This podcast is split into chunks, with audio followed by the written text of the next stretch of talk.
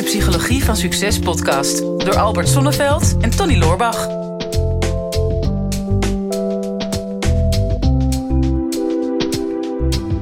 Albert, ben je een beetje tevreden tot nu toe met onze videopodcast? Ja, uh, absoluut. Ja, het is ook maar net wat je ervan verwacht, hè? En... ik weet niet wat jij ervan verwacht had. nou, ik had er eerlijk gezegd helemaal niet zo'n beeld bij, bij video. Oh wauw, ja, ik zit, niet, ik zit alvast de vraag te lezen, maar dan moet je geen flauwe woordgrappen gaan maken. Oké, oké, oké. Goed, nou, bloedserieus. Um, ja, ik ben, ik ben tevreden. Uh, ja, mijn leven draait om inspireren. En ja, ieder persoon die we weer in onze vibe van inspiratie mee kunnen nemen, ja, ben ik al dik tevreden over. Ja, nou, mooi. mooi. Dus dat helpt. ja, nou, ik was heel benieuwd. Ja, nee, we hebben daar een vraag over gekregen. Ik zat even te twijfelen van ik kan een heel lang verhaal gaan vertellen hierover. Maar uh, we hebben maar 20 minuten. Ja. En de vraag is ook al zo lang. Dus we gaan gewoon lekker beginnen. Ja, lijkt me een goed plan. Nou, ik heb een aantal vragen binnengekregen. Um, en die gaan allemaal over hetzelfde onderwerp. Dus ik pak er even eentje uit de vraag van Bas. Um, Bas die zegt... Uh, ik luister uh, met plezier naar jullie podcast. Ik vind zelfontwikkeling, psychologie super interessant. Ga zo door. Kijk, dat vond ik ook wel fijn om te horen. Want ik was eigenlijk van plan ermee te stoppen. Maar als een Bas nee, dat dan zegt, dan, dan. dan gaan nee, we door. Na zoveel uh, veren in de bips wil je wel even door natuurlijk. Ja, dan we zullen doorgaan. Um, Bas die zegt, wat ik echt er niet vaak teruggekomen is hoe je ervoor kan zorgen dat je op een bepaald moment nou echt gelukkig en tevreden bent met wat je hebt. Uh, in plaats van altijd te moeten willen groeien. En ja. we hebben het natuurlijk heel veel gehad in podcasten over ja, hoe je je doelen kan bereiken en, en persoonlijke groei. Maar ja, hoe ben je nou gewoon tevreden met wat je op dit moment hebt? Dat is bij jou dus blijkbaar niet zo moeilijk. Maar ik denk dat dat de, de sleutel naar, naar echte tevredenheid of de sleutel naar echt succes, dat is gewoon lage verwachtingen hebben. Ja.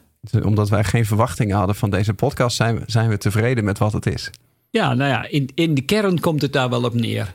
Maar um, Kijk, het, het, lastige denk ik in deze tijd is, en, en veel goeroes doen daar ook aan mee, is, is het beeld te wekken van uh, de maakbaarheid van deze wereld. Mm -hmm. En, en um, nou ja, zeker na de Tweede Wereldoorlog, de babyboomers hebben hun kinderen ook opgevoed met de gedachte van ja, alles is mogelijk. En het is economisch gezien in groei is er enorm veel mogelijk. Als je ziet wat de ontwikkelingen zijn na de Tweede Wereldoorlog, is ongekend. Deze generatie heeft natuurlijk dingen meegemaakt die generaties daarvoor onmogelijk en ondenkbaar waren. Mm -hmm. Dus in die zin wel, maar we hadden de illusie van als er nou een, een materiële groei is en een materiële welvaart, ja, dat zal direct ook bijdragen tot ons geluk. Ja. Alleen geluk went heel snel.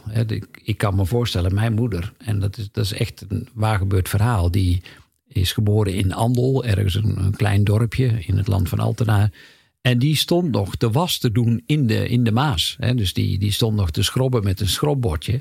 Dus ik denk dat die ongelooflijk gelukkig was met de komst van de wasmachine. Mm -hmm. uh, ik ben wel benieuwd wat het nu is dan. Een was, ja. wasmachine. Dat was dan een machine, maar wat is het nu? ja, in voltooid tegenwoordige tijd. Ja. ja, nu is het alleen. Het wordt alleen maar droger nu tegenwoordig. maar um, als dat.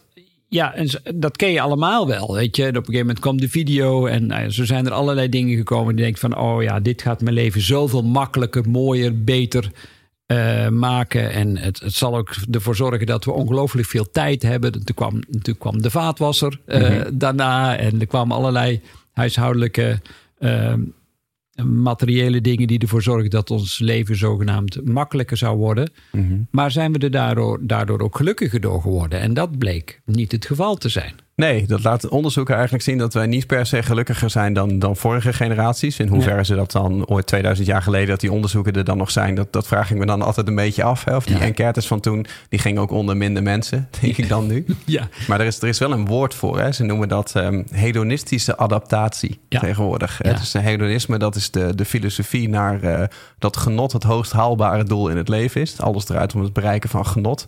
Een hedonistische adaptatie betekent eigenlijk dat zodra je genot en geluk hebt bereikt, dat het, je er eigenlijk alweer zo hard aan gewend bent, um, dat je er niet van kan genieten, omdat je alweer onderweg bent naar het volgende. Ja. En wij hebben er volgens mij laatst ook een mailing over geschreven of iets in de podcast verteld over het principe van die regenboog. Van, op een afstandje ziet het er schitterend uit. En denk je, daar, daar wil ik naartoe, want, want daar staat die pot met goud. Maar als je er dan eenmaal naartoe beweegt, dan blijkt je er en niet te kunnen komen. Uh, en dan blijkt het ook helemaal niet te bestaan. Hè? Want, want ten eerste is het een, een, een illusie. En een regenboog is ook alleen maar zichtbaar van, vanaf de plek waar jij op dit moment staat. Ja. En, en dat verschilt dus per persoon. Maar ja, het, het, het lijkt alles wat, wat nog gaat komen, um, dat lijkt waardevoller dan alles wat nu is. Maar tegen de tijd dat je er bent, ja, dan is jouw idee van die regenboog, die is alweer lang opgeschoven. En dan hmm. ben je er alweer aan gewend. Ja. Dus, dus als je gaat kijken van, goh, maar hoe kan ik er nou voor zorgen dat ik meer of eerder tevreden ben, is, is dat je eerst voor jezelf gaat onderzoeken van, wat zijn nou dagen of momenten of situaties waarin ik gewoon ultiem gelukkig was? Hè? Want mhm. dat, heeft, dat zit gelinkt aan tevredenheid. En ik merk in ieder geval in mijn eigen leven dat um, dat wanneer er iets is van groei, dat dat, dat me al gelukkig maakt. Als ik terugkijk op de dagen met de gouden randje, dan zijn dat altijd dagen waarin ik voor mijn gevoel gegroeid ben in iets. Mhm. Behalve dan uh, als de vetrandjes ontstaan, dan zou ik daar gelijk niet meteen dan zo blij mee zijn met die vorm van groei. Mhm. Maar alle andere vormen van groei wel. Hè? Of het nou groei zakelijk is, of dat ik iets wat ik moeilijk vond, hè, bijvoorbeeld een moeilijk gesprek of uh, een fysieke uitdaging met iets. En wanneer me dat dan gelukt was. Ik zeg wel eens gekscherend, als het me lukte om een IKEA-kast in elkaar te zetten zonder schroefjes over, over te houden. Of, mhm, dat is het hoogst haalbare. Dat is ongeveer het hoogst haalbare in mijn leven. of een softwareprogramma waar je dan uh, uh, misschien al dagen mee aan het worstelen bent en in één keer snap je het en krijg je het voor elkaar. Of, mhm. uh, ik ben iemand die dat niet makkelijk doet met een gebruiksaanwijzing. Ik wil het ook echt allemaal zelf gaan ontdekken en uitvinden. Mm ja, dat zijn wel de dingen waarvan ik denk: oeh, dit, dit was een moeilijkheid, die heb ik overwonnen. En die groei geeft mij geluk en tevredenheid. Ja. Nou, dus als je zegt: ik ben niet zo tevreden, hoe, hoe zit het dan met jouw groei? Waar wil jij dan groei uithalen? Mhm. Eh, op welke gebieden van je leven? Relationeel of gebied van je gezondheid of ten aanzien van je werk of ten aanzien van je financiën? Als je dat helderder hebt voor jezelf waar jij groei wil eh, ontwikkelen. En uh, je ook helder hebt op wat voor stappen dat je die uh, kunt zetten. Mhm. Dan begin je al meer in de richting te komen van: oké, is het realistisch wat ik van mezelf vraag? En als je dan stappen zet die kleiner zijn en je kunt daar ook dankbaar voor zijn, dan begin je al een beetje in de buurt te komen. Nou, het is grappig wat jij zegt met, hè, ik wil het zelf uitvinden en ik heb geen uh, handleiding nodig. En, en, ja, jij weet dat van jezelf dat daar de groei zit. Ik las laatst een interessant onderzoek dat ging over um, een eh, fabrikant die verkocht uh, uh, bakpoeder. waar, je, waar je een, volgens mij een cake mee kon bakken in, in, in dit geval. Een space cake? nee, gewoon, gewoon een eentje waar je mooi naar kan kijken. En waar oh, iedereen naar keek. Ja. maar. ja. Maar En, en zij hadden eigenlijk constant geoptimaliseerd. Dat je op een gegeven moment hadden zij uh, poeder. En dat merk je ook wel eens bij pannenkoeken. Hè. Dan krijg, koop je poeder en er hoeft niks meer bij in. Er zit alles al bij in. Oh. Um, dus, dus er hoeft geen eieren meer bij in. Ja, jij, jij woont nu weer op jezelf. Ja, nee, gaat, had, dit ga jij nog tegenkomen in je leven. Ik dacht andere generatie, maar prima. Nee, is nee, maar ik praat je even bij. Tegenwoordig, als jij pannenkoeken wilt maken... dan kan je dus poeder kopen en er hoeft alleen maar water bij. Oh, en dan dacht, wordt het beslag. Normaal, mijn moeder zei altijd, je bakt er niks van. Maar goed, dat is nee, maar er komt dat jij er nog heel veel in moest doen. Hè? Dus je moest er eieren bij in doen en moest melk in. En je moest zelf beslag maken. En daar kon je dan iets van een cake of een pannenkoek van gaan maken. Tegenwoordig is dat niet meer zo. En je hebt ook nu iets als zelfreizend, maar dat is iets anders. Nou, dat is alleen als je er heel opgewonden van raakt. maar dat, dat, is heel iets anders. Oké, oké. Volgens mij dwalen we af. Ja, precies. Laten we dit nou even vertellen. Ja, maar, um, maar, maar die, die fabrikant die dacht van... als ik nou maar ver genoeg optimaliseer... dan wordt het steeds makkelijker voor mijn klant. Dus dan gaan, dan gaan de sales omhoog. Ja. Nou bleek uiteindelijk dat uh, toen ze gingen testen... van welke variant verkoopt nou het best... Hè, degene waar alleen maar water bij hoeft... Hmm. Of de variant waar mensen zelf nog eieren en melk aan moeten toevoegen. Er bleek dat mensen dus toch vaker de variant kopen waar melk en eieren nog bij in moeten. En dat mensen trotser zijn op het eindresultaat. Dus ze vinden de pannenkoeken lekkerder als ze er zelf iets aan hebben toegevoegd ten opzichte van uh, wanneer het uh, pre-made was. Hmm. Um, en daar zie je dat dat is een beetje hè, ook de slogan van, de, van magie. Hè? Een, be een, beetje van magie en een beetje van jezelf. Ja. Of andersom, weet niet precies. Hmm. Um, daar, daar zit het. Hè? Dus je wil er zelf iets aan toegevoegd hebben. En op het moment dat je hebt dat je zelf iets geïnvesteerd hebt, zelf iets hebt toegevoegd en je hebt jezelf ontwikkeld, um, dan, dan ontstaat er eigenlijk meer geluk. Uh, het enige nadeel alleen in deze tijd is dat je heel veel dingen niet meer zelf hoeft te doen. Dus die worden voor je gedaan. Ehm, en dat aan de andere kant dat we vaak zo gejaagd zijn dat we niet meer stilstaan bij het succes wat we behaald hebben. Dus zolang als dat we ergens naartoe werken, dan, dan zijn we eigenlijk gelukkig. Ehm, maar als we er eenmaal zijn, dan, dan staan we er niet bij stil. Dus we vieren onze successen niet. Want dan zijn we alweer bezig met het volgende doel. En, en als je dat hebt, dan krijg je dus dat gejaagde. Dan krijg je wat ze noemen. Ehm, dan gaan we even naar de Griekse mythologie. Maar de, weet je wat een tantaluskwelling is? Ja, ooit een keer gelezen, maar ik ben het helemaal kwijt. Op een gegeven moment, ergens op een bepaalde leeftijd, vind je dingen minder belangrijk misschien. hier, heb, hier heb je ook niks aan. Maar dat is in de Griekse mythologie. Dat was uh, Tantalus, die was iemand, uh, die was gedoemd volgens mij door Zeus. Om, uh, om eigenlijk tot, tot in de eeuwigheid in een positie te zitten waar die zeg maar tussen een grote bos druiven hing, die boven hem hingen. Ja. En, en, en prachtig helder schoon drinkwater wat onder hem lag. En elke keer als hij dan honger kreeg en hij greep naar de druiven, dan trokken de druiven zich terug. Dus hij kon ze nooit pakken. En als hij dorst kreeg en hij greep naar beneden naar het water, dan trok het water zich terug. Waardoor hij eigenlijk zijn hele leven in een staat van verlangen leeft. Ja. Maar zijn verlangen nooit kan inlossen, omdat hij er dus niet bij kan. En, dat, en zeg maar, die kwelling, dat is een beetje toonaangevend, ook voor de tijd waar we nu in zitten. Van, van je leeft vanuit een verlangen, hmm. maar je kan er nooit komen. Uh, en eigenlijk de enige manier om het op te lossen, dat wordt bijna boeddhistisch, is te stoppen met verlangen.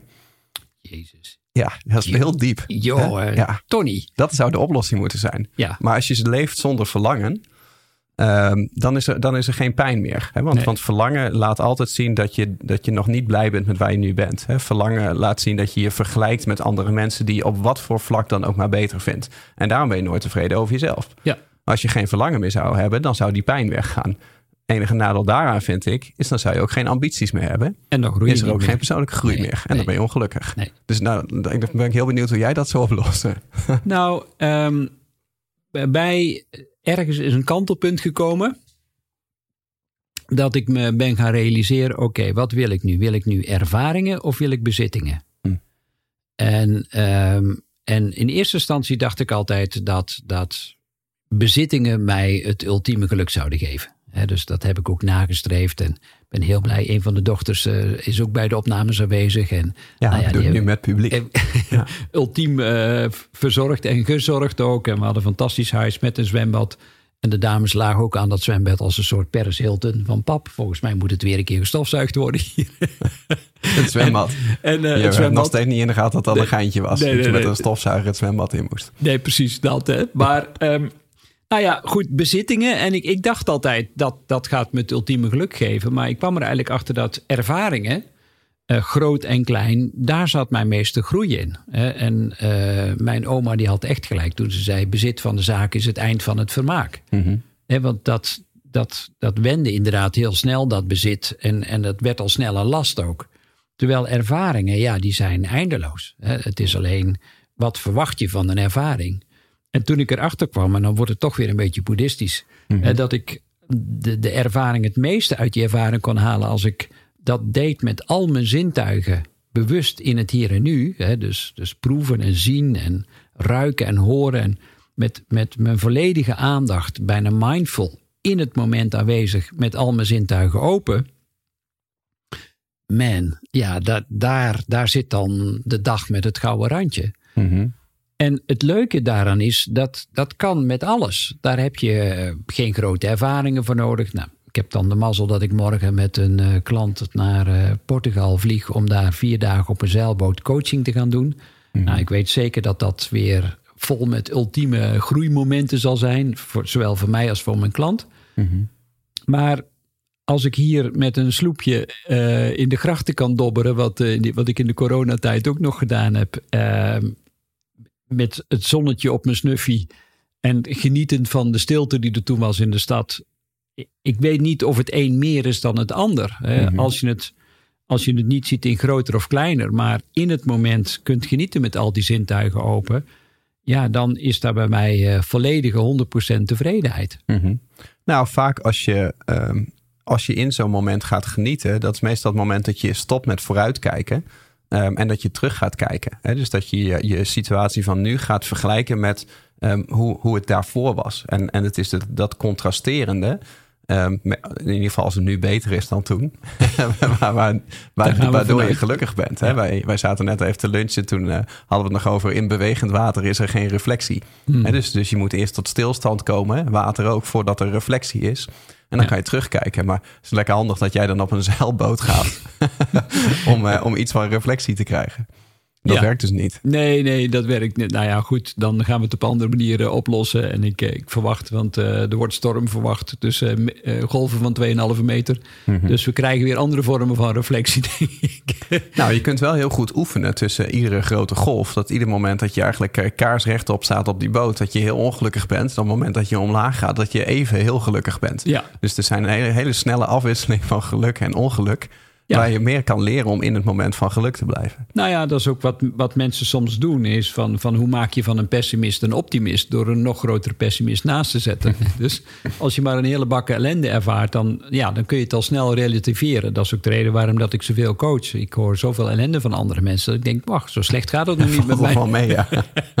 met mijn leven.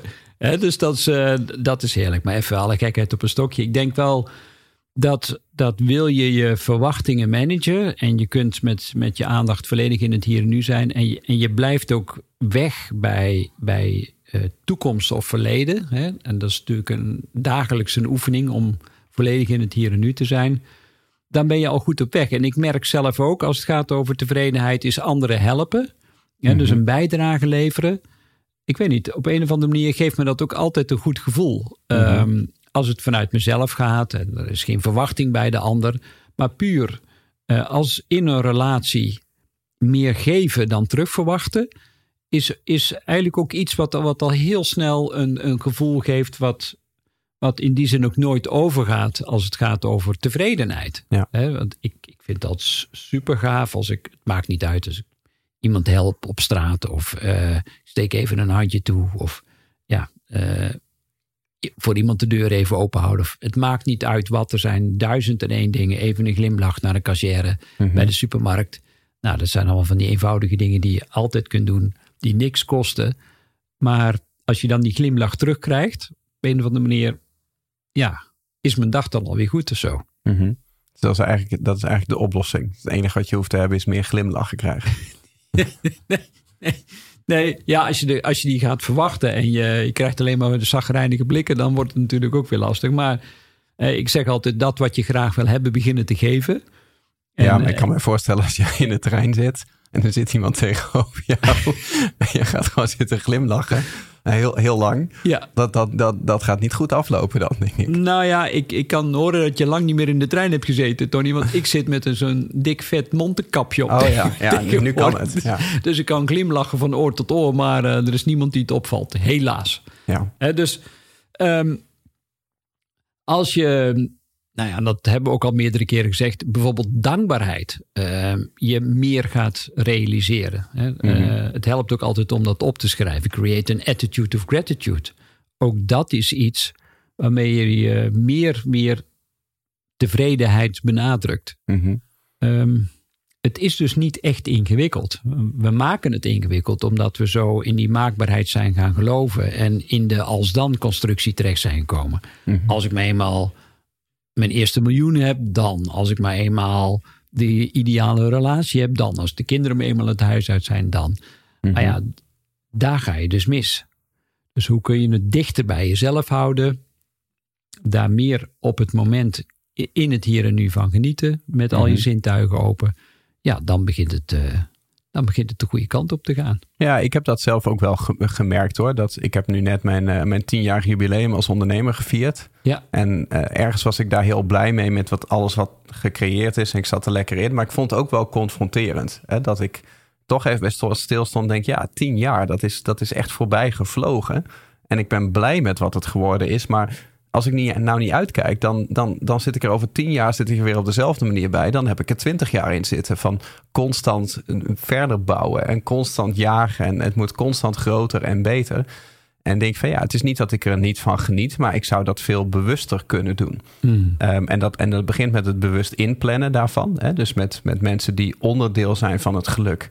In, in mijn geval zijn dat bijvoorbeeld compagnons en collega's om meer in te plannen van we moeten het vieren als we iets halen. Hè? Dat we niet eh, denken van, eh, oh, we hebben de software uitge- uitgebouwd, Ja. feestje. Maar terwijl we aan de champagne staan, staan we al te overleggen met wat er beter zou kunnen. En eh, wat, wat we volgende, volgende keer gaan vieren. Hè? Dus je, je stopt even met plannen maken op het moment dat je iets viert.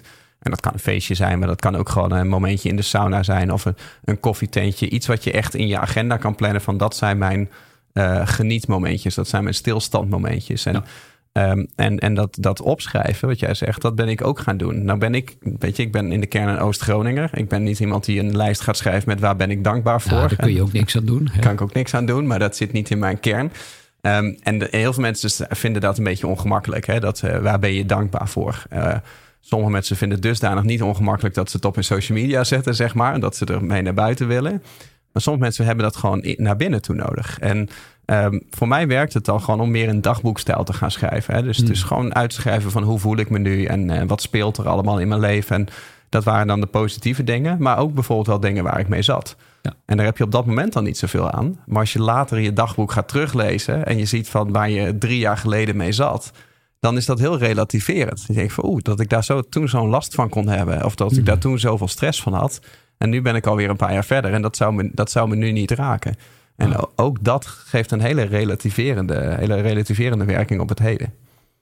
Volgens mij hebben we mega veel tips gegeven dit keer. Ik ben altijd weer eh, verbaasd over eh, ja, wat we dan toch weer in 20 minuten kunnen vertellen. Eh, ook weer over dit onderwerp tevreden. Ben je een beetje tevreden over deze podcast? Kan altijd beter. Maar ik denk dat we de volgende, de volgende zal echt goed worden. Deze is een beetje moi. Mochten jullie eh, wel tevreden zijn en je kijkt eh, naar deze YouTube of eh, je luistert naar de, naar de podcast. Wij zijn natuurlijk altijd eh, blij met eh, dat je dit gaat delen of dat je duimpjes geeft. En vragen stellen kan natuurlijk ook altijd. Eh, de lijst met vragen die wordt wel steeds eh, groter. Hè. We, we groeien ongekend. Eh, het is heel populair aan het worden. We staan in allerlei top 10's inmiddels. Had je dat al gezien bij KPN? Stonden we ook alweer in de top 10 business pod, eh, podcast lijst. Ja, maar als we niet op één staan, dan, dan raakt het mij niet. Nee, dat weet ik. Nee, dan ben je- jij bent ook niet zo snel Het is tevreden. altijd maar een volgend niveau. alle anderen wel. En eh, geef even je duimpjes. Deel het. En eh, volgende week zijn we er weer. Zelfde tijd, zelfde boys. Dit is de Psychologie van Succes podcast door Albert Sonneveld en Tony Loorbach.